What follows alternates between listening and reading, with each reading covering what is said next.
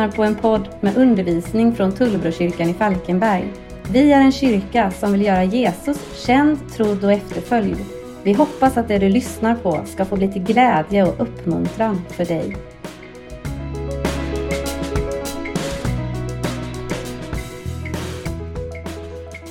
Föreställ dig för ett ögonblick att du växer upp på en helt öde ö. Och att det enda du har, det är en bibel. Inget annat, utan bara en bibel. Ja, förutom mat och äta förstås. Dagar blir till veckor och veckor blir till månader och månader blir till slut till år. Och så efter 20 år så blir du räddad och kommer till civilisationen. Och det första du gör det är att söka upp en kyrka för att träffa andra som också läser den där bibeln. För under de senaste åren så är ju det typ det du har gjort med din tid. Du har upptäckt vem, vem Fadern är, hur stor hans kärlek är. Du har läst om Sonen som visar nåd på korset. Och du har upptäckt den helige Ande och vad det innebär att leva livet med Guds ande. Sannolikt så skulle du i mötet med kyrkan och med lärjungar upptäcka att det är en ganska stor skillnad mellan det vi läser i Bibelns ord jämfört med våra praktiker som kyrka och som lärjungar. Det där skriver Francis Chan, eh, pastor och författare i en av sina böcker.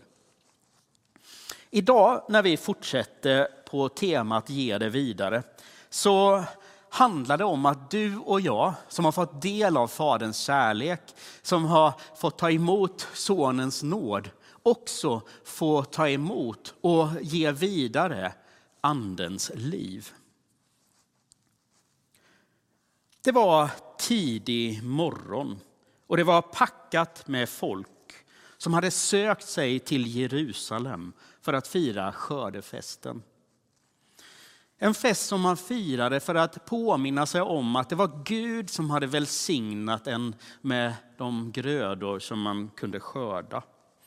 Men det var också en högtid som de judiska rabbinerna firade för att påminna sig om att, att Gud vid ett tillfälle med dunder och brak hade uppenbarat sig själv på ett berg för Moses och gett lagen och budorden. Och så plötsligt den där morgonen, klockan är strax runt nio, så händer någonting enormt mäktigt. Det är som ett stort dån. Ungefär som när en storm drar fram så fylls hela staden av ett enormt och mäktigt dån. Och alla de som var samlade de sökte upp den plats som de uppfattade som var själva epicentrum. Och de var förvånade. De frågade, vad är det som händer? Vad är det som har inträffat? Och varför hör jag de där människorna prata främmande språk? Varför hör jag dem prata mitt språk? En del som fick vara med om det där blev häpna, förvånade.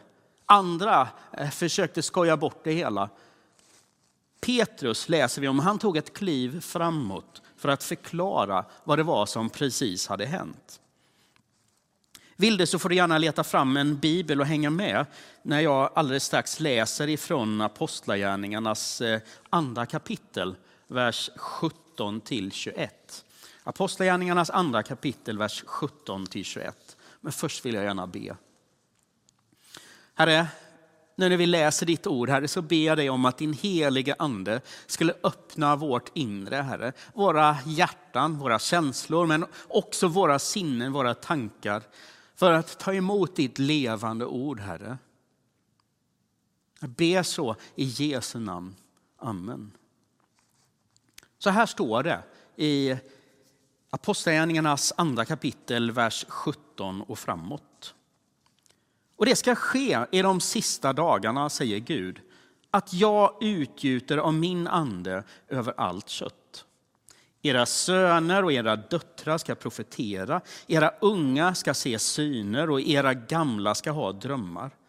Ja, över mina tjänare och tjänarinnor ska jag i de dagarna utgjuta av min ande och de ska profetera.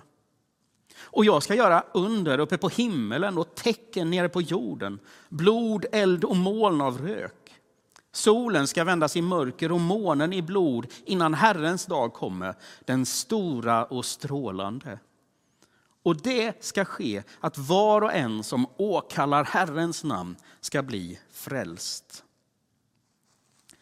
De där orden som vi läste, de är kursiverade i de flesta bibelöversättningarna. Kanske i din bibelöversättning också skulle jag tro.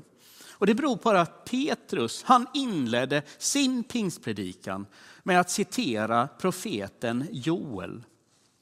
Joel som skriver dessa ord som Gud förmedlade till honom någonstans mellan år 500 och 700 före Kristus.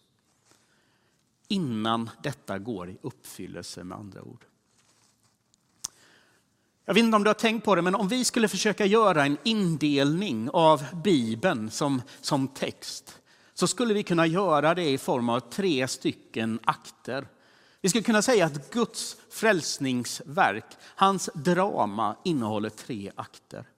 I den första akten som vi läser om i Gamla testamentet så läser vi och lär vi känna Gud Fader själv. Här får vi reda på att folket Israel successivt upptäckte vem Gud är, vem Fadern är och vad hans vilja är.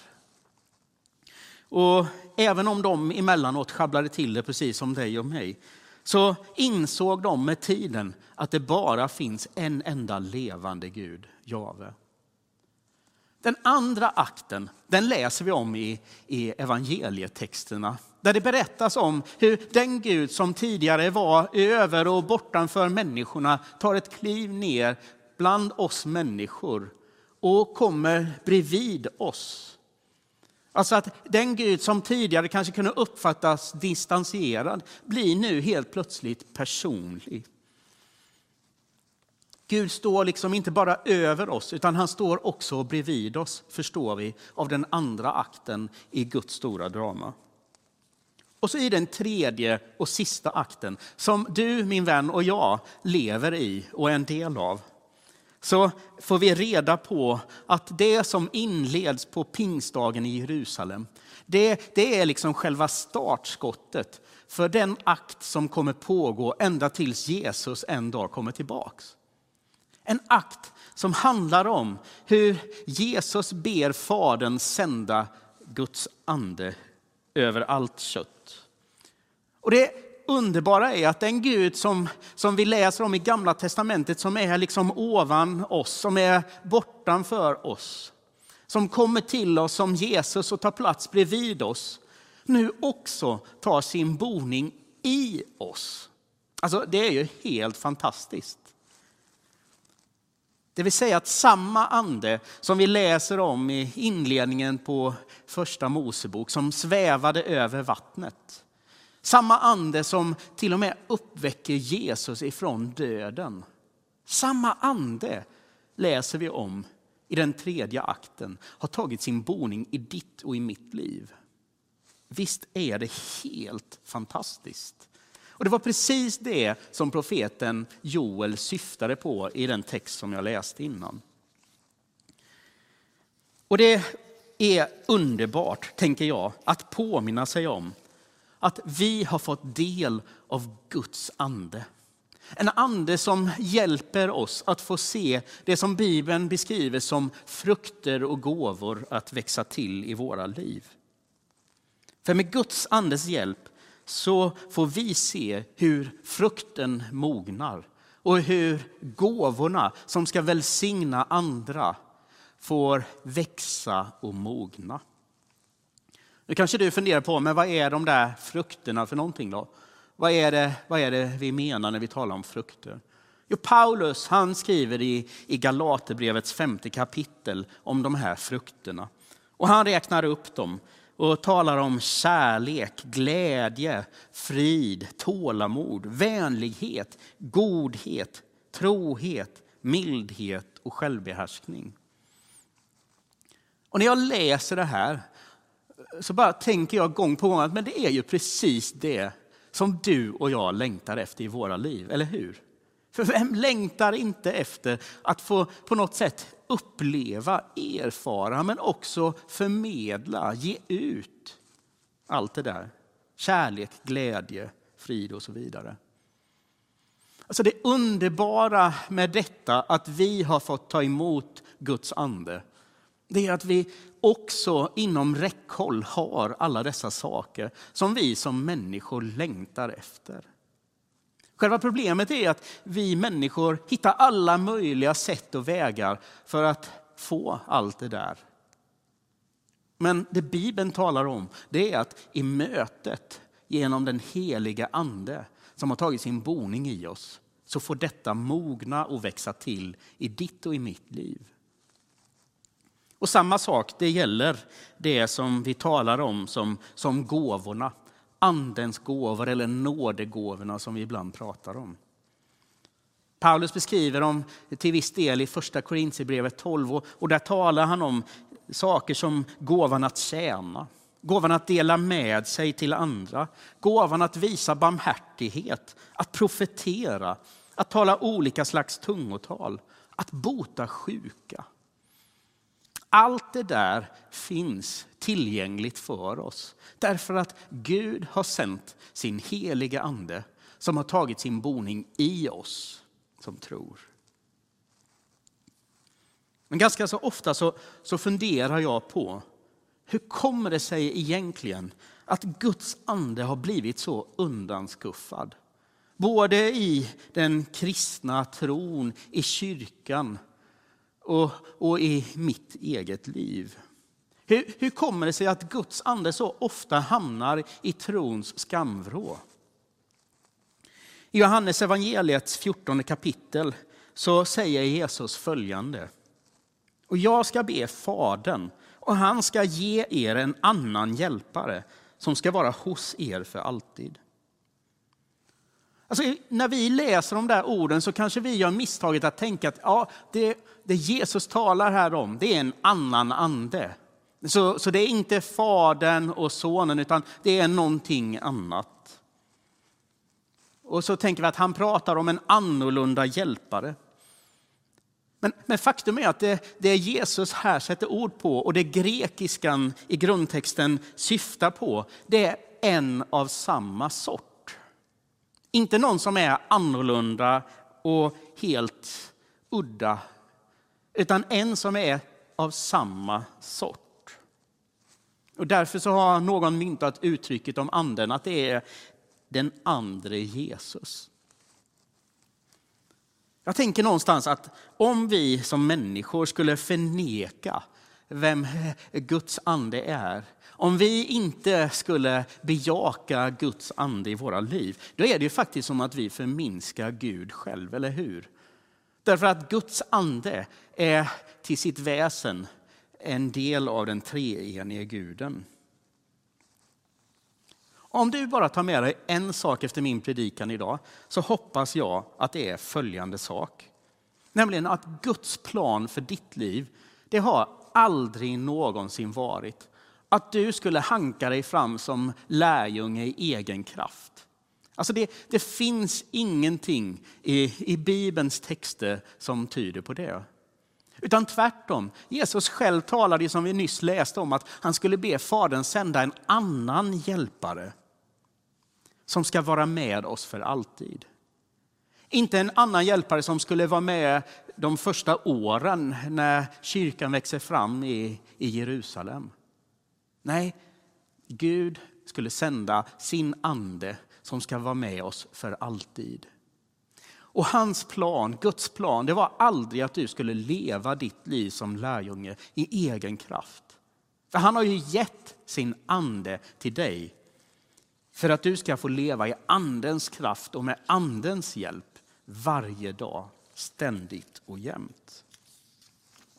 Lyssna här på vad teologen eh, James Packer skriver i en av sina texter.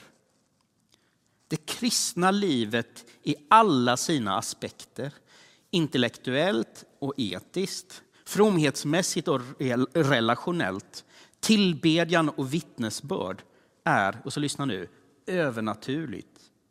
Bara den helige ande kan initiera och upprätthålla det.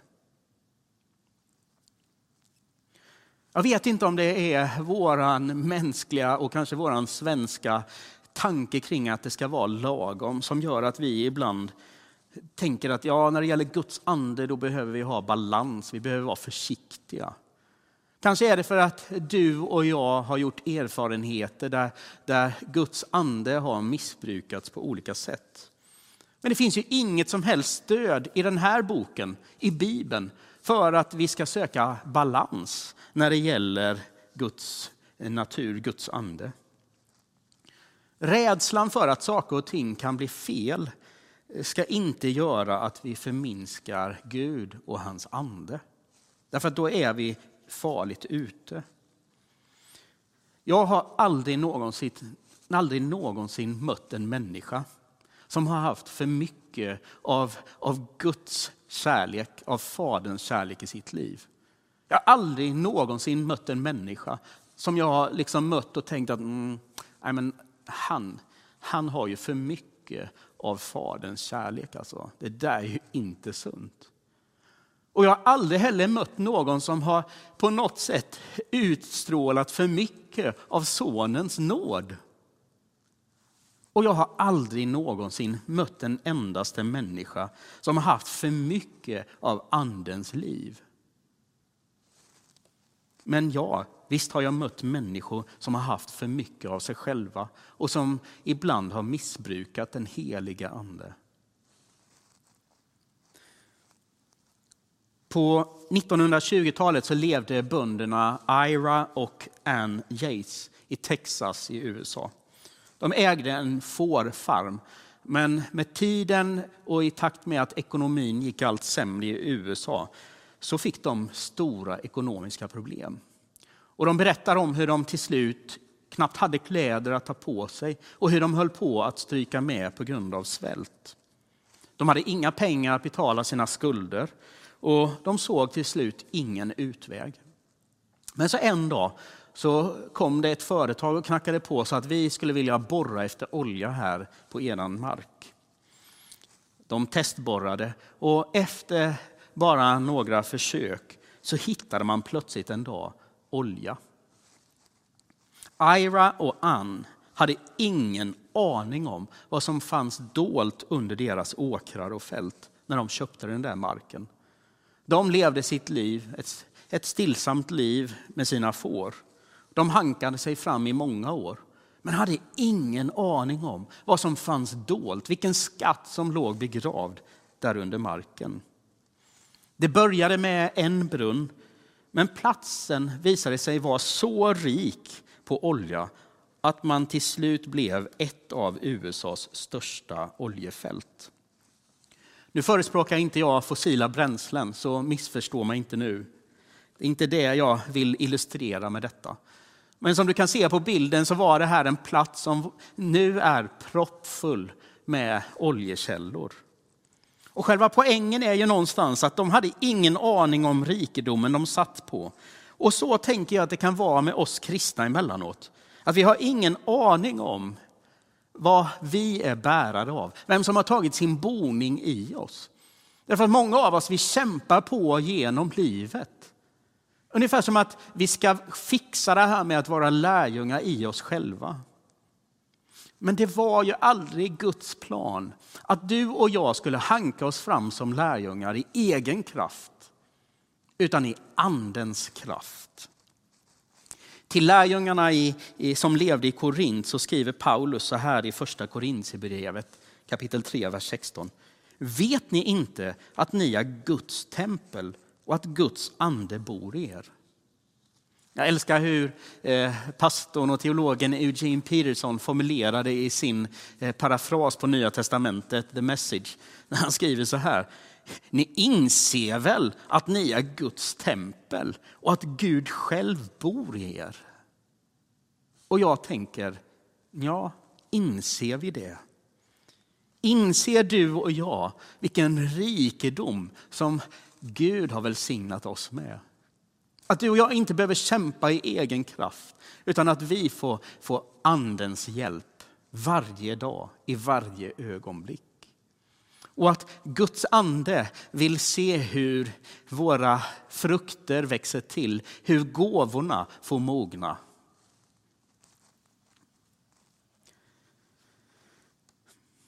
Gud har utgjutit av sin ande över allt kött, läste vi innan. Och alla som tror på Jesus Kristus har fått del av andens liv. Anden som vill vara din och min hjälpare, här och nu och ända hem till den dag när vi får möta Jesus i himmelen. Där i himmelen så kommer vi få träffa alla de som har gått före. Ibland så längtar jag enormt mycket efter den där dagen. En del av oss vi kommer säkert vilja ställa våra frågor till trons alla hjältar. Om hur var det nu att leva? Hur var det att vara med om alla de där sakerna? Men jag undrar om vi kommer hinna ställa våra frågor innan de kommer fråga oss. För innan vi hinner fråga David om hur det var att besegra jätten Goliat så kommer han att säga, berätta nu för mig hur det var att leva på jorden med den heliga ande levande inombords. Som gav dig styrka när du var svag. Berätta det för mig. Vi kanske vill fråga Elia hur det måste ha känts att få kalla ner eld ifrån himmelen. Men innan vi gör det så kanske han kommer fråga oss, berätta för mig nu hur det var att ha Gud på insidan. Hur det var att ha den helige ande som glädje i sitt liv när du var deprimerad. Som gav dig kraft när du var dränerad. Som hjälpte dig att besegra synden i ditt liv. Berätta för mig, hur var det? Och innan du och jag hinner fråga Mose hur det måste ha känt att, att följa molnet på dagen eller elden på natten, eller hur det var att få möta Gud uppe på berget, så lär han säga till dig och mig, vet du, jag var tvungen att klättra upp på berget för att få möta Gud på distans. Berätta nu du för mig hur det var att ha Gud inneboende i dig varje dag. Hur var det att ha den heliga ande som gav dig ledning när du inte visste vad du skulle göra eller vart du skulle gå? Frågan är vad du och jag kommer svara David, Elia och Mose då.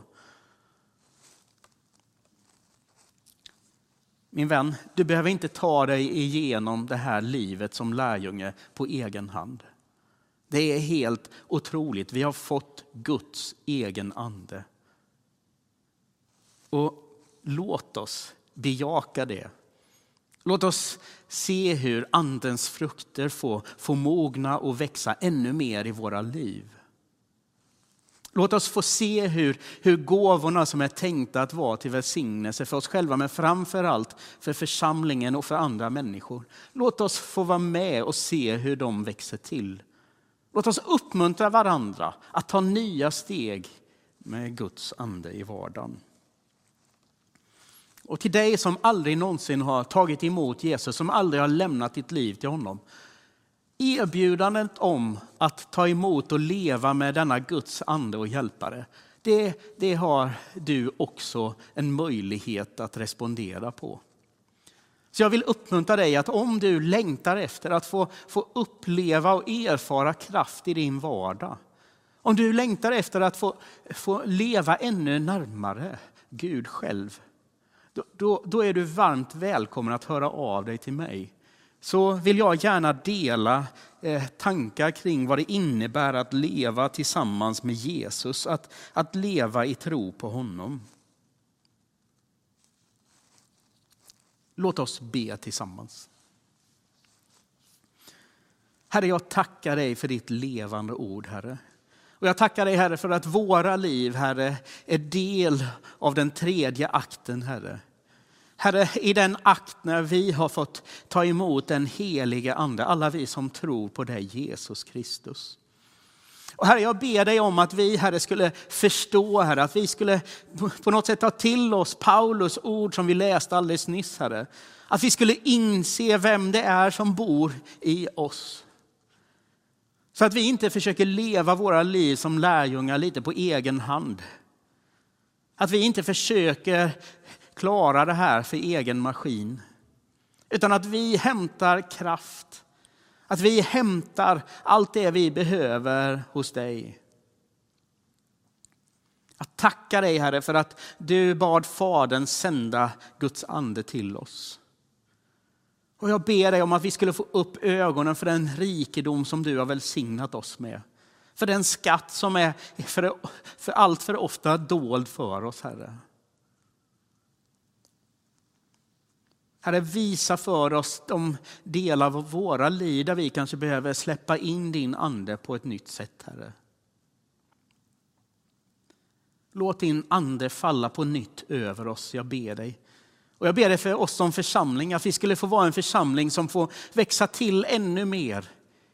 Herre, därför att vi törstar, vi längtar. Och jag ber dig Herre om att du Herre skulle låta din andes regn falla över din församling. Herre, så ber jag dig avslutningsvis för den eller de som kanske tittar nu eller som lyssnar i efterhand, Herre som ännu inte har lämnat sitt liv till dig. Herre, jag ber dig om att han eller hon skulle våga ta det där första steget och söka tron på dig och öppna sig för att ta emot din hjälpare. Jag ber så i Jesu Kristi namn. Amen.